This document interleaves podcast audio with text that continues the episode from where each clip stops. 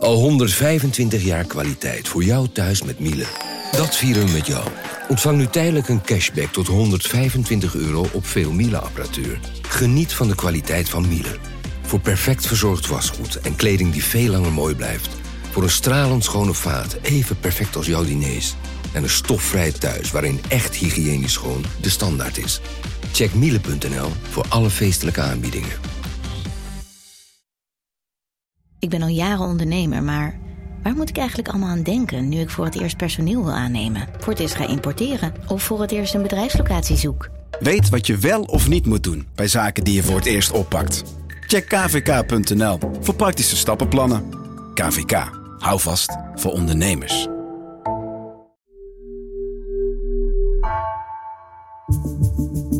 Vanaf de redactie van NRC het verhaal van vandaag. Mijn naam is Floor Boon.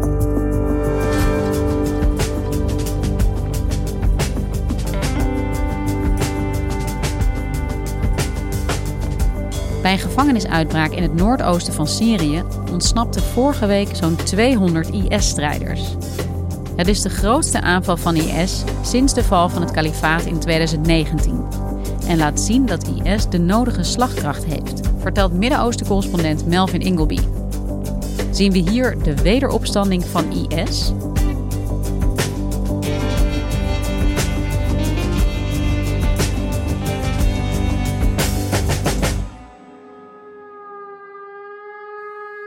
Het is donderdag 20 januari en de Noordoost-Syrische stad Hasaka die wordt opgeschrikt door enkele explosies.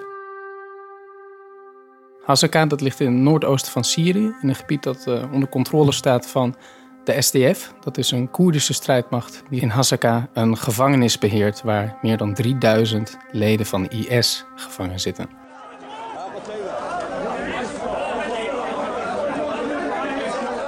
Er gaan bommen af voor de deuren van de Gwairaan-gevangenis. En wat er is gebeurd is dat van buitenaf IS-strijders twee auto's met daarin zelfmoordterroristen ter explosie hebben gebracht.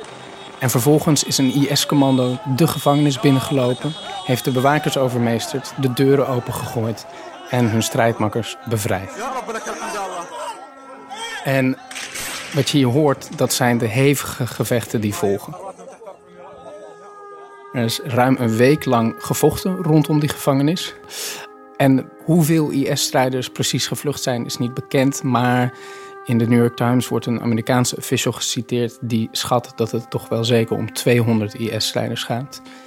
En dit was zonder twijfel de grootste aanval door IS sinds ze in 2019 in Baghouz het laatste stukje van hun grondgebied verloren.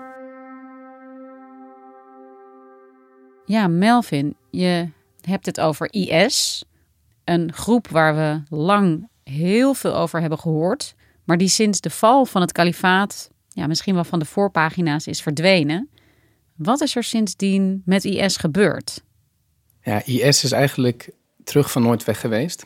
Toen ze in 2019 uh, hun laatste stukje grondgebied in uh, Oost-Syrië verloren, dat werd toen formeel gezien als de overwinning op het kalifaat. Daarbij zijn duizenden IS-strijders gevangen genomen. Die belanden dus onder andere in deze Gwairaan-gevangenis in Hasaka en in andere kampen en gevangenissen. Maar er zijn ook uh, enkele duizenden IS-strijders uh, ondergronds gegaan. In zowel Syrië als in Irak. En die verschuilen zich in met name het woestijngebied, in, in, in grotten, in de bergen. En die houden zich koest, maar die voeren ook aanvallen uit. Dus uh, we zien dat in zowel Irak als in Syrië eigenlijk in de laatste paar jaar toch wel een paar honderd kleinere aanvallen worden gepleegd uh, door IS. En dan gaat het meer om hè, overvallen op checkpoints, uh, op dorpjes, dat er geld wordt geëist in het midden van de nacht. En in Irak bijvoorbeeld is het einde van vorig jaar ook een politieagent op camera onthoofd. er is een grote aanslag in Bagdad geweest vorig jaar. Dus IS heeft zeker nog wel slagkracht. En dat bleek ook zeker uit deze gevangenisuitbraak. Want wat deze gevangenisuitbraak anders maakt, is dat het echt om een minutieus voorbereide aanval gaat. Die deels ook is uitgevoerd met strijders die vanuit Irak zijn aangevoerd. Um, waar vanaf het hoogste niveau um, opdracht toe is gegeven. En uh, die dus grote gevolgen heeft. Grote gevolgen, zeg jij. Wat is het doel geweest van deze aanval? Uh, aan de ene kant is dit een enorme propaganda-overwinning van de IS. He, gevangenisuitbraken zijn heel belangrijk voor de moraal. Omdat je aan al die duizenden strijders die vastzitten, geef je de boodschap: we komen jullie halen. En we moeten niet vergeten dat het zo overigens ook begonnen is. IS is ontstaan uit gevangenisuitbraken van Al-Qaeda-leden in Irak um, in 2012, 2013. Dus in die zin heeft deze aanval een hele grote symbolische waarde. Ik las net uh, de, de laatste uitgave van uh, Dabba Magazine. Dat is hè, een van hun, hun tijdschriften. En daar wordt opgeschept dat de aanval zelfs volgens de, volgens de ongelovige Hollywood-achtige proporties had. Um, maar het is naast een propaganda-overwinning natuurlijk ook heel concreet gevaarlijk dat er toch wel misschien 200 IS-strijders zijn ontsnapt. En daar zitten mensen bij die de nodige kunde en kennis hebben. Dus ja, in die zin is deze laatste aanval wel zeker een mijlpaal. IS was dus vooral nog ondergronds actief en hergroepeert nu in deze aanval, zou je kunnen zeggen. Wat zegt dit over waar IS op dit moment toe in staat is? Nou, het is niet zo alsof we nu meteen aan het begin staan van een wederopbouw van uh, het kalifaat in territoriale zin. Toen dat de vorige keer gebeurde, uh, in 2013, 2014, zaten we midden in het Syrisch conflict. Dus er was een eigenlijk ongelimiteerde toestroom aan wapens en aan uh, mannen die willen vechten. En de perfecte voedingsbodem voor geweld en radicalisering. En toen zagen we dat de IS echt hele grote stukken van Syrië en Irak wist in te nemen. En in steden als Raqqa en Mosul gewoon de scepter zwaaide. Dat staat nu niet te gebeuren, denk ik. De frontlinies in Syrië zijn min of meer bevroren. De Amerikanen zitten er, de Russen zitten er. Maar ik denk nu dat we eerder naar een model toe gaan waarbij IS aan de ene kant uh, hit-and-run aanvallen zal uitvoeren. Dat we waarschijnlijk ook meer van dit soort gevangenisuitbraken zullen zien. En dat ze ondertussen vooral ook zullen proberen om zichzelf uh, institutioneel en financieel te herstellen. Dus ze proberen bijvoorbeeld belangrijke smokkelroutes te controleren tussen Irak en Syrië. Dat is een belangrijke bron van inkomsten nu voor de organisatie. En daar zie je toch ook wel dat juist de verwoesting van Syrië na uh, bijna elf jaar oorlog en de verwoesting van de Syrische economie en het ontstaan van een soort van oorlogseconomie, waarin eigenlijk alles gecontroleerd wordt door gangs en uh, drugsmafia, et cetera, dat dat een nieuwe soort voedingsbodem biedt voor IS om goed in te gedijen. Je beschreef eigenlijk een hele gecoördineerde aanval, begonnen van buitenaf, maar met hulp van IS-strijders van binnenuit. Hoe heeft dit kunnen gebeuren? Ja, dat is een hele goede vraag. Het, het was een aanval die echt duidelijk gecoördineerd is tussen de IS-strijders van buitenaf, die de gevangenis bestormden, en de IS-strijders binnenin die gevangenis, die daar gevangen zaten. We zien op beelden die ik via via heb gekregen vanuit die gevangenis, dat IS-strijders met z'n allen samen in een cel staan. En dat ze een gebed uitspreken.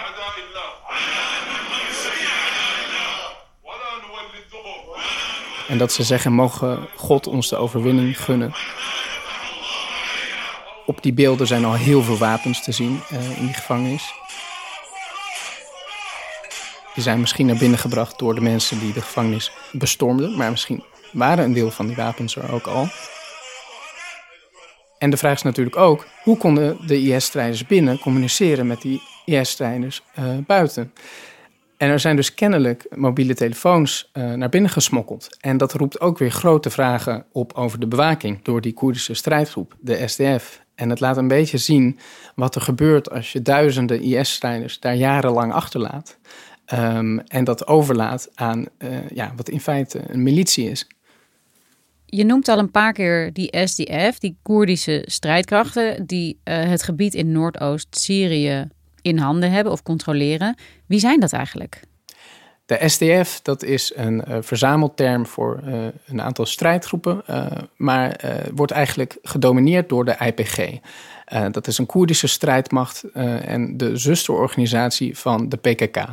De PKK is weer de Koerdische groepering die al decennia tegen de Turkse staat vecht. Maar in feite zijn de PKK en de IPG in elkaar vervlochten. En wordt de SDF dus ook overwegend gecontroleerd door de PKK. Nou, dat is een hele rare situatie, omdat uh, de PKK weer ook op Europese en Amerikaanse terreurlijsten staat. Dus als ik jou goed beluister, dan zeg jij dat een gevangenis waar gevaarlijke IS'ers in zitten, wordt bewaakt door een groep die gelinkt is aan de PKK. En die PKK staat op de internationale terreurlijst. Is dat geen risico? Ja, dat levert dus heel veel veiligheidsrisico's op. Aan de ene kant omdat er veel corruptie is binnen de organisatie. Dus dan krijg je situaties waarin telefoontjes naar binnen gesmokkeld kunnen worden. Aan de andere kant ook omdat de SDF ehm, als een overwegend Koerdische strijdgroep niet altijd even populair is onder de Arabische bevolking in een deel van het gebied wat ze in handen hebben. En dat leidt tot heel veel onvrede en spanningen, waar IS dan weer uh, gebruik van probeert te maken. Maar ja, het zijn tegelijkertijd wel deze Koerdische strijders uh, die het Westen jarenlang als bondgenoot heeft gekozen in de strijd tegen IS. Zij zijn degene die het kalifaat ten val hebben gebracht, met vooral Amerikaanse steun. En vervolgens hebben wij wel al die duizenden IS-strijders gewoon aan hen overgelaten. Dus we hebben die Koerdische strijders ook wel een beetje met ons probleem opgezadeld. En het is wel de vraag waarom bijvoorbeeld de duizenden buitenlandse IS-strijders al jarenlang niet worden opgehaald door de landen waar ze vandaan komen.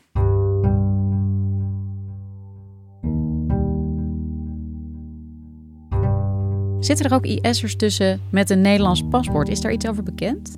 Ja, absoluut. Er zitten in de Koerdische gevangenissen tussen de 2 en 4000 buitenlandse IS-strijders uit 50 verschillende landen. En er zitten ook iets van uh, eh, 20 Nederlanders tussen. Hier is al jarenlang heel erg veel discussie over het terughalen van Syriëgangers. Veel gevoeligheden, verschillende standpunten binnen de regeringspartijen. Waarom is dat allemaal zo ingewikkeld? Nou ja, het kabinet heeft zelf eigenlijk van begin af aan hele grote onwil getoond om zich aan dit dossier te branden. Uh, Rutte heeft zelf nog gezegd: laat die IS-gangers daar maar sterven. We debatteren vanavond over drie grote thema's, steeds aan de hand van twee stellingen. Uitgereisde jihadisten kunnen beter daar sneuvelen dan terugkeren naar Nederland. Meneer Rutte, u bent als enige voor deze stelling. Ik weet zeker dat het grootste deel van Nederland achter mij staat. Want wat doen deze mensen die uitreizen naar Syrië of naar Irak? Die gaan daar naartoe om de meest vreselijke aanslagen te plegen. Om te leren hoe je bommen moet maken. Hoe je uiteindelijk heel veel levens moet wegnemen. Die komen ook weer terug om uiteindelijk ook in onze samenleving... dat type aanslagen te kunnen toepassen. Ik wil dat niet. Maar ja, dat is natuurlijk geen oplossing, want uh, ze zijn niet dood. Ze zitten daar te verpieteren in die Koerdische gevangenissen. We zadelen in feite dus die Koerdische strijders daar met ons probleem op en maken daardoor de situatie alleen maar gevaarlijker. Dat blijkt nu wel, want als je het gewoon jarenlang daar zijn gang laat gaan, zonder dat er uh, naar een oplossing wordt gezocht, ja, dan krijg je dus dit soort gevangenisuitbraken. En ik denk dat daar een heel belangrijk punt zit de voorstanders van repatriëring die uh, droegen eigenlijk vooral humanitaire argumenten aan. Die zeiden van ja, het is onmenselijk. Haal dan op zijn minst de vrouwen en kinderen terug. Maar wat er nu gebeurt laat ook zien dat er juist een enorm veiligheidsargument is om niet alleen die vrouwen en kinderen, maar ook de mannen op te halen. Want hier kunnen we ze opsluiten, berechten en in de gaten houden. Terwijl daar dus de kans groot is dat ze op de duur gewoon ontsnappen en zich weer gaan herorganiseren.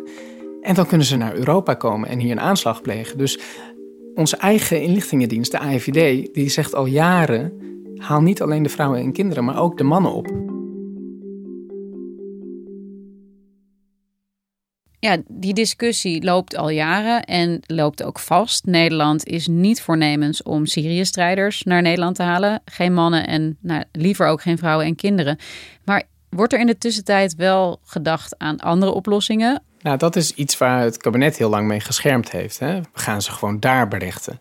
Maar inmiddels heeft het kabinet erkend dat dat niet gaat gebeuren. Dat dat een totale fantasie is. Uh, al is het maar om de reden dat de SDF, die dat gebied in handen heeft, internationaal niet eens hè, erkend is dat wij formeel geen banden willen hebben met de SDF vanwege uh, de banden tussen de SDF en de PKK. Dus het is een padstelling waar we in zitten.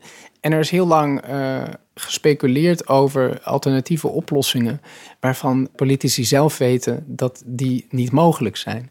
Maar het enige wat we dan wel kunnen doen, is onze eigen strijders ophalen. Om op die manier uh, de Koerdische strijders wat te ontlasten en te voorkomen dat bij een volgende gevangenisuitbraak, en die gaat er natuurlijk komen, nog meer strijders zullen ontsnappen. Tegelijkertijd speelt zich dit ook dus af in Syrië, waar, zoals jij net ook schetst, ja, nog steeds een oorlog aan de gang is. De situatie heel erg onoverzichtelijk is en chaotisch. Is het niet alleen maar extra voedingsbodem voor IS? Kunnen ze hier niet alleen maar van profiteren? IS die profiteert natuurlijk enorm van het feit dat uh, Syrië na bijna elf jaar oorlog uh, volledig in puin ligt. En dat hè, de infrastructuur van het land is ingestort, dat de veiligheidssituatie zo onvoorspelbaar is dat de economie eigenlijk geleid wordt door maffia en drugskartels. Uh, het is allemaal een context waarin IS kan bouwen aan een wederopbouw. Dus in die zin is de, de langzame herorganisatie van IS ook het gevolg juist van het feit dat we uh, dat land in puin hebben achtergelaten.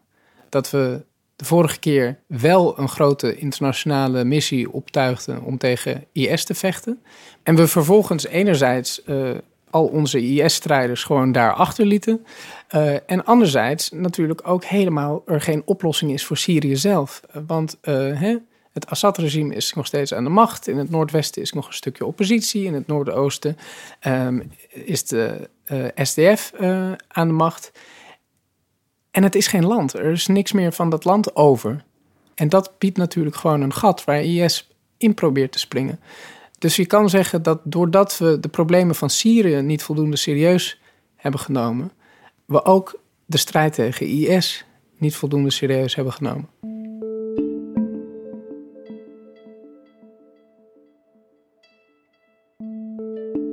Wat denk jij in de komende tijd? Wat kunnen we verwachten van IS? Nou, ik denk dat de IS zeker zal proberen om meer van dit soort aanvallen uh, te organiseren. Uh, ik denk dat de Amerikanen zich rotgeschrokken zijn en dat ze uh, meer dan ooit beseffen dat ze daar niet zomaar weg kunnen. Omdat dan de boel totaal kan instorten. Het was natuurlijk een beetje de intentie van president Biden om op termijn zich ook uit Syrië terug te trekken. Ik denk dat hij die overweging nu opnieuw zal moeten maken. Dus dan kijken we misschien naar een voortzetting van de Amerikaanse aanwezigheid daar. Dat verandert ook weer hoe de kaarten gehusseld zijn tussen de Russen en de Turken uh, in Syrië. Dus dat betekent gewoon dat dat conflict zal dooretteren. En dat is een situatie die IS natuurlijk zal proberen te gebruiken. Dankjewel, Melvin. Graag gedaan.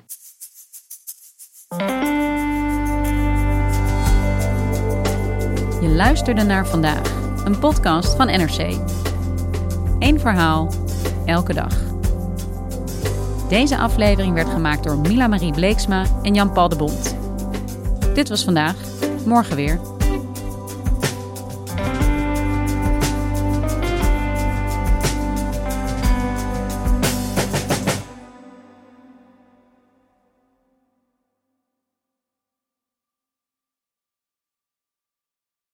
Technologie lijkt tegenwoordig het antwoord op iedere uitdaging. Bij PwC zien we dit anders. Als we de potentie van technologie willen benutten, kunnen we niet zonder een menselijk perspectief. Human-led, tech-powered noemen we dat. Ga naar pwc.nl.